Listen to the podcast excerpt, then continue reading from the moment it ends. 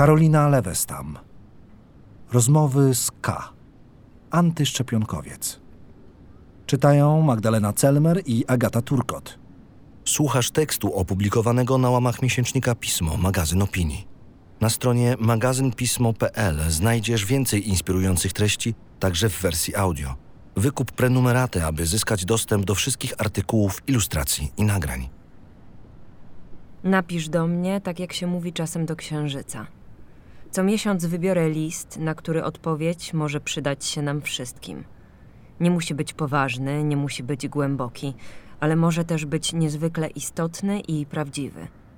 Zawsze chciałam to robić słuchać i myśleć o tym, co usłyszałam. Karolina Lewestam. Antyszczepionkowiec. Droga K. Mieszkam w Anglii, obracam się w postępowym środowisku, mam fajnych znajomych i chyba zaraz ich wszystkich stracę. Chodzi o szczepienia. Pewnie już myślisz sobie, jakaś wariatka, antyszczepionkowiec. Rozczaruję cię. Mam wszystkie normalne szczepienia, ale bardzo długo nie chciałam się zaszczepić na koronawirusa. Teraz jestem już zapisana i boję się. Tak, naoglądałam się filmów na YouTubie, gdzie ludzie opisywali efekty uboczne. Kto śledzi angielską politykę, to wie, że ekipa Johnsona to najbardziej godnych zaufania nie należy. Wątpliwości mam więcej.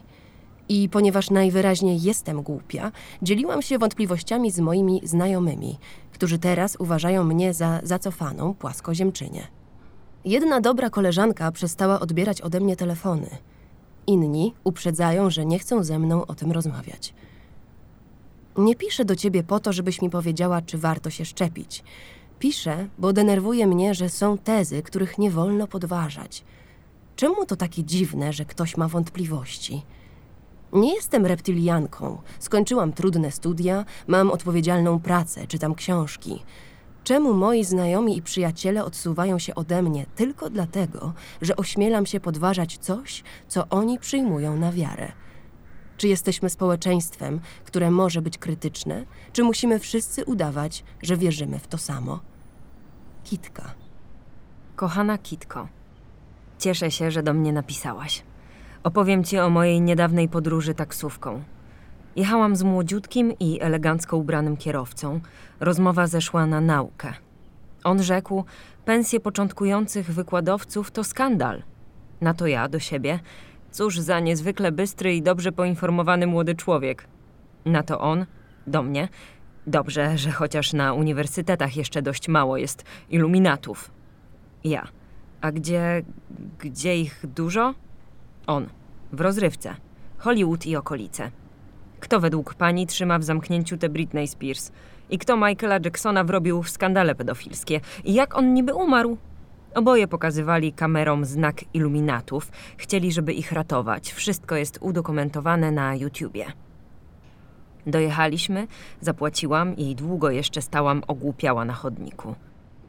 Absolutnie nie sugeruję, że ty, Kitko, jesteś z tych, co tropią wszędzie iluminatów. Piszę o tym chłopaku, dlatego że ilustruje on największy problem trwającej teraz naszej ziemskiej chwili. Pakt Ribbentrop-Mołotow zawarty między fałszem a mediami. Polską jest w tej wojnie tak zwany zdrowy rozsądek.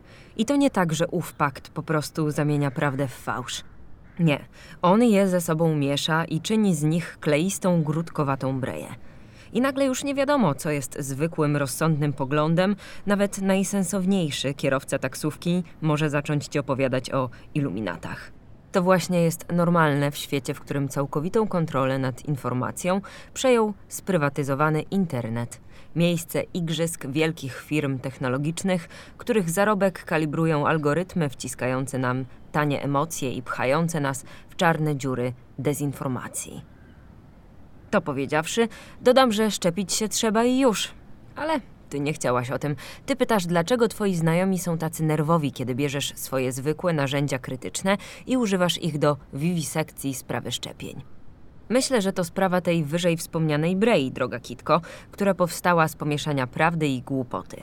Bo widzisz, jak się człowiek naprawdę zaweźmie, Jak się napnie i wytęży, to jednak jest jakoś w stanie w tej kleistej brei dorwać czasem jakąś grudkę prawdy, a przynajmniej sensu. Przeanalizuje dane ze wszystkich dotychczasowych badań, zajrzy na stronę Światowej Organizacji Zdrowia, pogada z lekarzami, zawierzy tym, którzy mogą wiedzieć lepiej i nagle coś tam się człowiekowi rozjaśnia, coś się klaruje.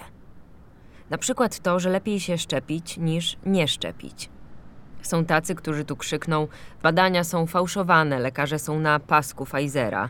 Boris Johnson śpi z córką Astry i siostrą Zeneki. Tak, owszem, wszyscy kłamią, ale naprawdę trudno byłoby kłamać tylu ludziom naraz i tak unisono. Lepszej prawdy chwilowo nie będzie. A teraz wyobraź sobie, że jesteś poławiaczem pereł. Nurkujesz w szarej brei i po wielu godzinach trudu udaje ci się wymacać coś na dnie. Perła. Płyniesz na powierzchnię, ale breja owa jest tak wysoce syfiasta, że mycie perły zajmuje trzy dni. W końcu masz. Świeci ci pięknie na dłoni. Nagle podchodzi jakiś gość i wybija ci ją z ręki z powrotem w breję. Coś ty za brudną grudę tam trzymała? pyta. Nie chce ci się tłumaczyć temu panu, że to była piękna perła. Po prostu chcesz mu przyłożyć z liścia, no nie? Tak się czują ci, którzy przeanalizowali dogłębnie breje dezinformacji i znaleźli trochę prawdy o skuteczności szczepień. Przychodzi do nich Kitka i mówi: Ta twoja opinia to może być tylko zwykła gruda brei, nie? No niby tak. Niby powinni wyjaśnić, porozmawiać. Ale po prostu szlak ich trafia, bo dyskutować o czymś, co się godzinami wyciągało ze szlamu, to tak jakby znowu w tym szlamie popas brodzić. W tej sytuacji nie ma winnych. Ty starasz się znaleźć informacje najlepiej jak umiesz, boisz się słusznie dogmatyzmu. Rozumiem też Twoich znajomych. W końcu, ile można taplać się w gumnie prawdofałszu, nawet z przyjaciółką? Winny jest system społeczno-medialny produkujący umysły, w których sens współistnieje z iluminatami. Umysły takie jak nasze, pełne brei, pełne sieczki, w których wszystkie perły wyglądają jak kamienie.